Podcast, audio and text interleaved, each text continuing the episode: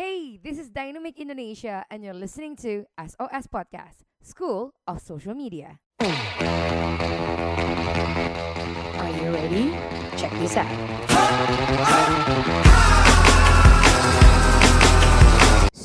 Time to listen and execute. Drop the bass. Welcome back Dynamic Nation. Sekarang kita masuk ke episode selanjutnya untuk uh, Dynamic uh, uh, I'm sorry, podcast SOS.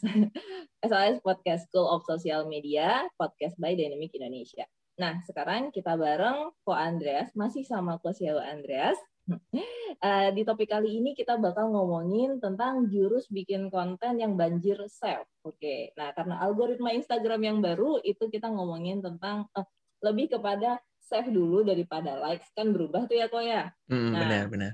Benar. Nah kayak gitu. Jadi kita bakal ngomongin tentang gimana nih cara bikin konten yang banjir save. Buat kamu yang belum kenal sama Ko Andreas, eh, bisa lihat di episode sebelumnya, Ko Andreas juga udah kenalan sedikit. Mungkin nggak harus kenalan lagi atau mau kenalan lagi kok? Nggak harus. ya, nggak harus. Dan kalau misalnya kamu pengen uh, pengen tahu lebih banyak bisa langsung ke Instagramnya dan bisa juga lihat cek uh, apa uh, live-nya kita kemarin bareng Ko Andreas di Dynamic TV-nya di uh, di IGTV-nya Dynamic Indonesia. Oke, kita langsung masuk ke topik yang selanjutnya kok ya. Kita ngomongin tentang konten yang banjir save. Iya. Nah, tapi uh, ngomongin iya jurus bikin konten yang banjir save saveable gitu uh, kalau dulu yang aku dapat itu ya kok yang ngomongin save itu adalah dia konten dalam bentuk edukatif gitu yang yang yang mengajar yang seperti itu gitu tapi ternyata tuh ya kok ya kadang ada beberapa konten yang aku sendiri nge-save dia tuh nggak edukatif gitu. Kalau aku nge-save konten yang lucu-lucu kadang. ya beda orang beda minat juga ya. Iya, tapi kan kadang kayak gitu tuh kok. Nah, tapi nah terus kalau misalnya nih kita ngomongin tuh, nah kita ngomongin tentang indikator konten yang saveable nih. Menurut kau kok indikator konten yang saveable itu yang seperti apa sih? Oke, indikator konten yang saveable adalah konten yang ya jelas bermanfaat ya. Dan bermanfaat hmm. itu ada berbagai macam faktor. Ada empat faktor teman-teman.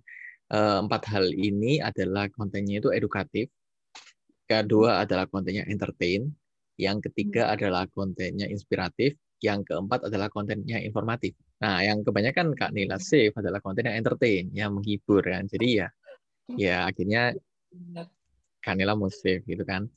Dan hmm. ya edukatif itu seperti apa? Edukatif kita kebanyakan tahu ya di media di Instagram itu kan ya ke, sekarang kan lagi hmm. musim ya orang-orang bikin karusel gitu kan dan karuselnya itu biasanya isinya ya konten edukatif yang memberikan edukasi tentang apa pun itu. Lalu entertain itu eh, adalah konten-konten yang seperti menghibur, lalu lucu ataupun uh, selebgram yang OOTD dan lain-lain. Kalau inspiratif hmm. itu konten yang menginspirasi ya, yang memotivasi, yang hmm. orang itu uh, bisa memberikan semangat kepada orang lain itu adalah konten yang inspiratif.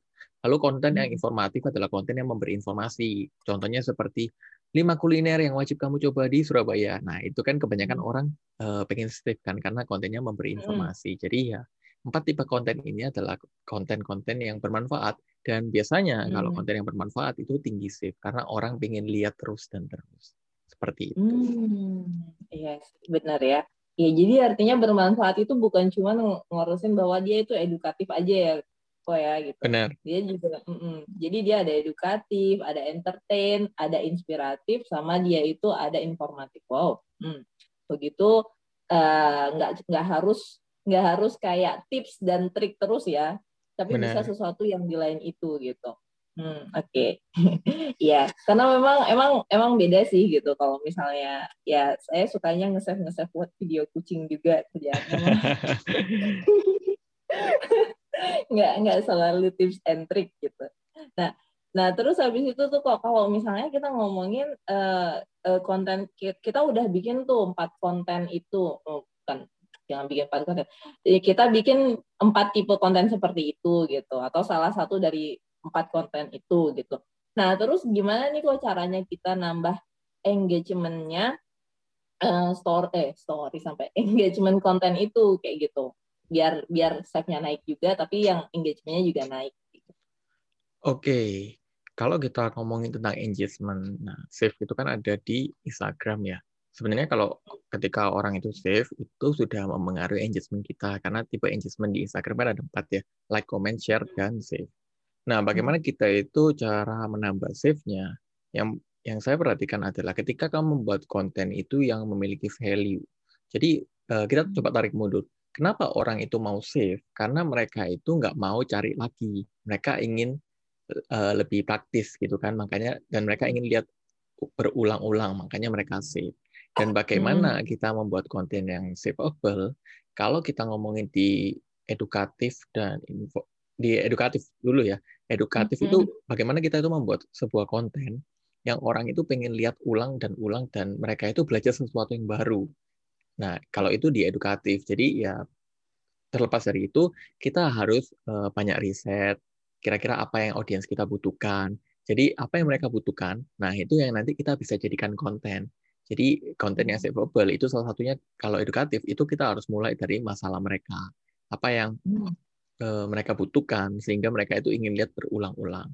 Dan kalau kita ngomongin tentang konten yang entertain, bagaimana cara menambah engagement dan meningkatkan save kalau kontennya entertain itu eh, tergantung entertainnya entertainnya seperti apa karena kalau misalkan nih contoh Kak Nila kucing gitu kan mungkin mungkin kucingnya itu lucu dan berbeda dengan ya kucing-kucing yang di Instagram lain gitu kan atau hmm. kalau misalkan kontennya lucu nih apa video gitu kan videonya humor hmm. ya hmm. bercandaan gitu kan nah Apakah selucu apa konten bercandaannya itu dan apakah itu bisa membuat orang itu mendapatkan sesuatu yang baru? Karena yang hmm.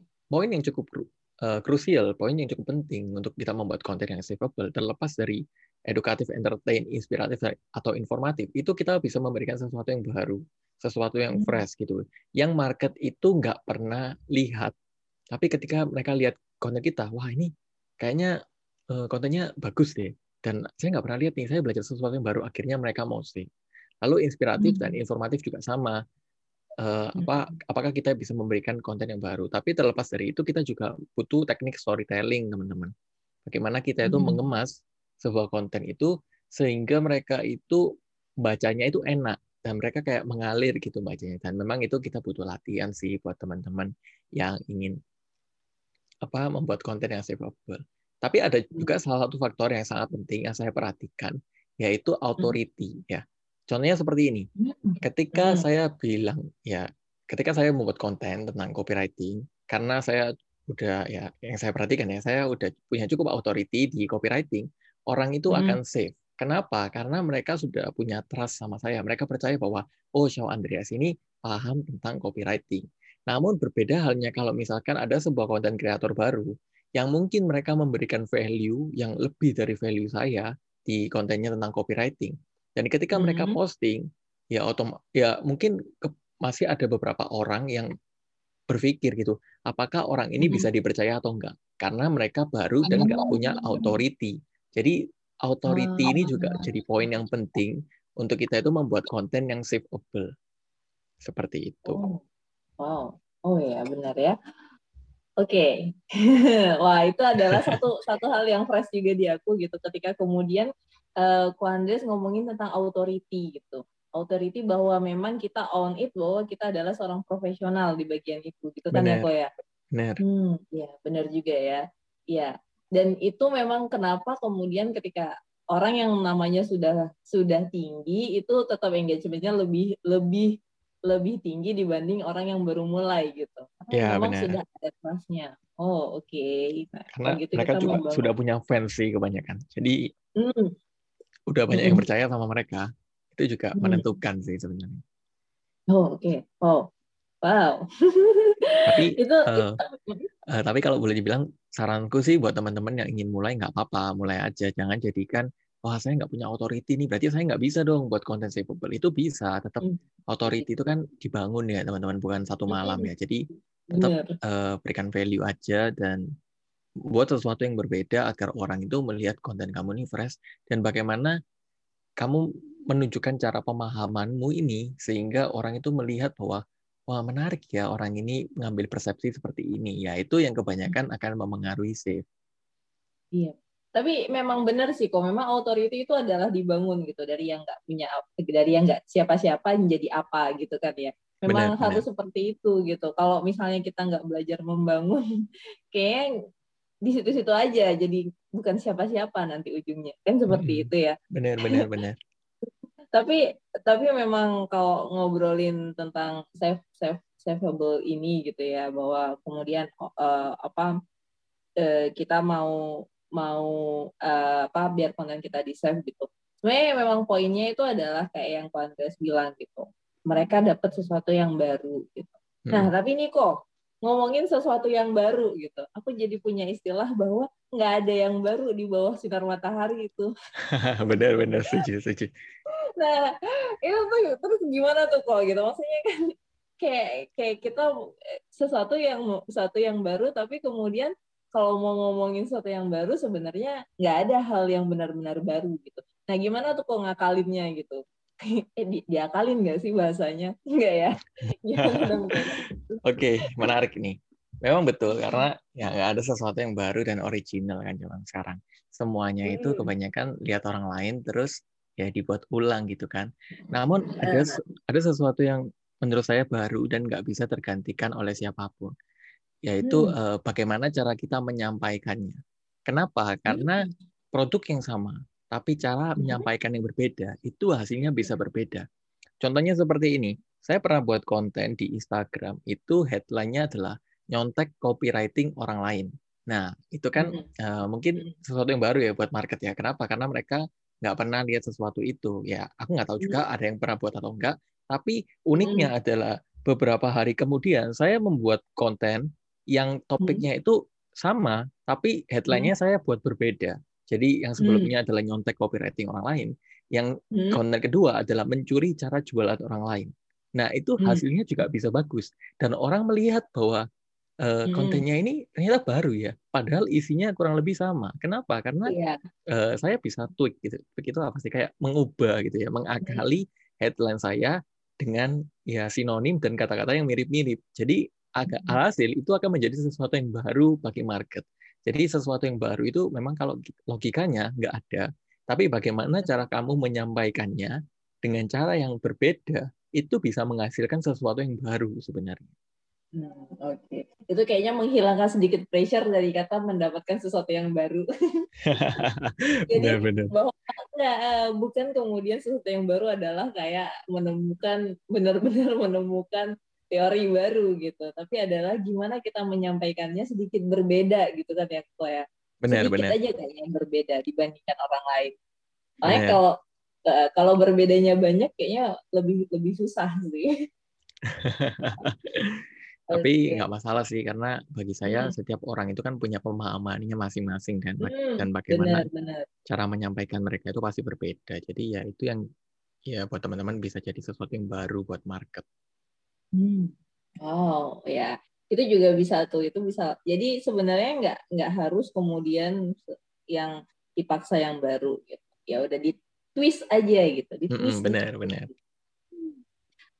Oh, nah itu tuh akhirnya lead ngelit ngelit ini loh, kok sebenarnya ngelit ke pertanyaan ketiga gitu. Pertanyaan ketiganya tuh adalah tips dan trik ala Ko Andreas nih untuk membuat konten yang memang yang savable gitu. Hmm. Ini apa ya? Aku juga nggak sabar Oke, mendengarkannya. eh, tips dan trik ya untuk membuat konten yang savable.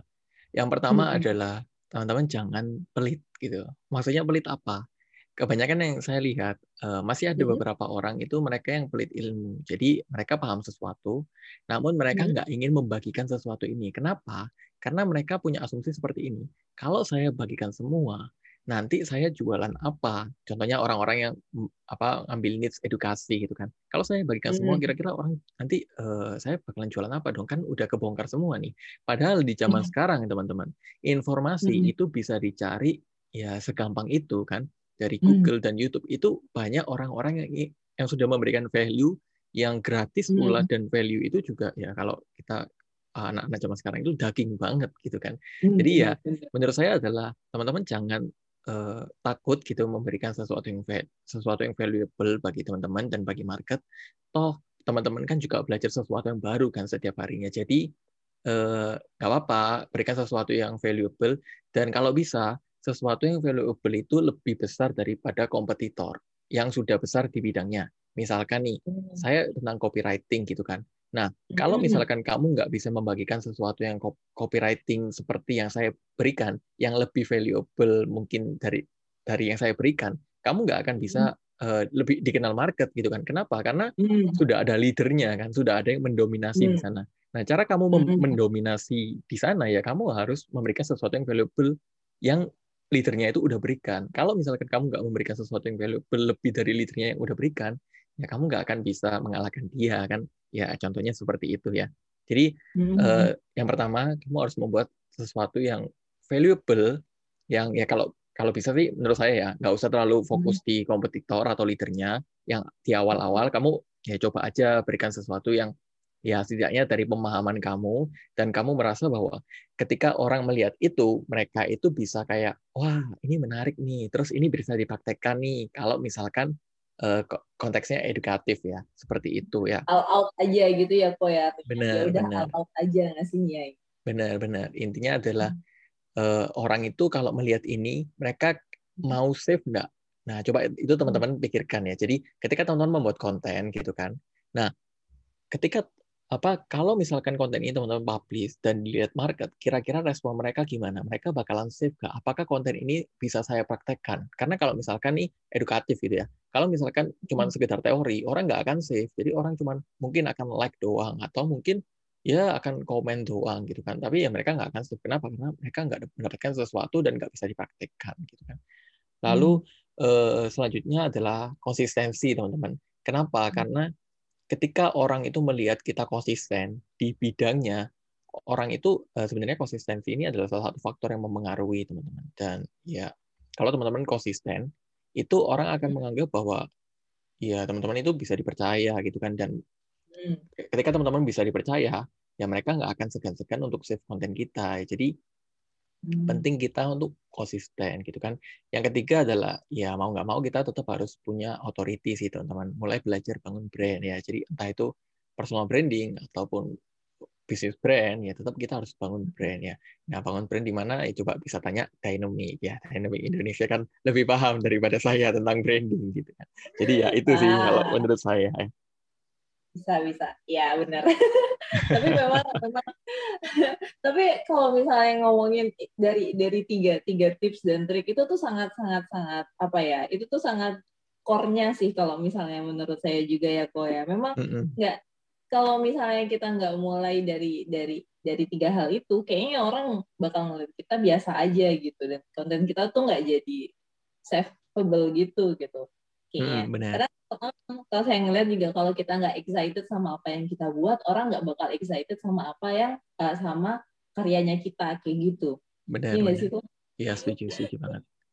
Eh, jadi kayak gitu. Oh tapi memang harus dimulai dari bahwa kita harus giving all out gitu.